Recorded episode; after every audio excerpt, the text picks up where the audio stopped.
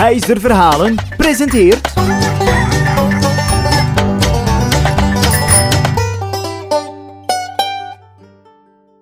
Eens op een keer zat een boerenjongen hard te werken aan zijn groenten. Een man passeerde hem en lachte hem uit.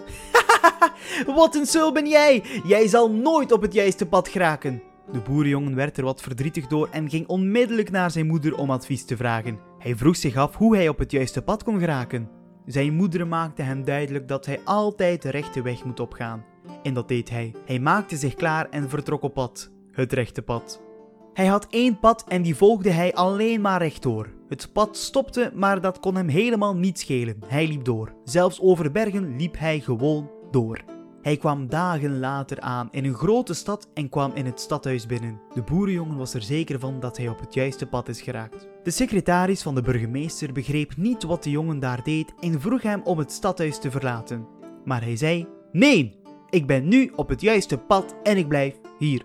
De secretaris vertelde het aan de burgemeester en ging een kijkje nemen. Zeg jongen, Zei de burgemeester nu je toch op het juiste pad bent geraakt, wil je dan liever niet eens werken?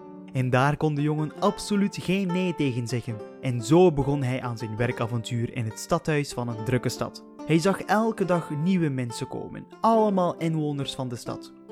In het midden van de grote zaal waar de jongen zat te poetsen, stond een groot houten standbeeld. Hij keek in de ogen van het houten standbeeld en plots zag hij het hoofd bewegen. Hij moest enkele keren knipperen, want hij dacht echt dat hij droomde. Maar nee, het standbeeld bewoog en begon te praten.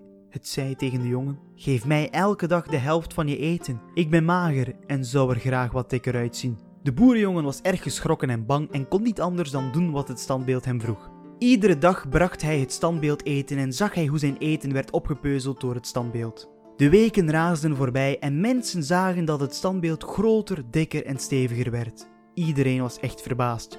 De burgemeester stond voor een groot raadsel en besloot om de hele dag de jongen in de gaten te houden.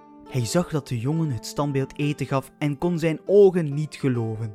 De burgemeester stond op, ging naar de boerenjongen en huldigde hem in als ereburger van de stad. Hij werd als een van de belangrijkste mensen gezien en stond nu echt op het juiste pad.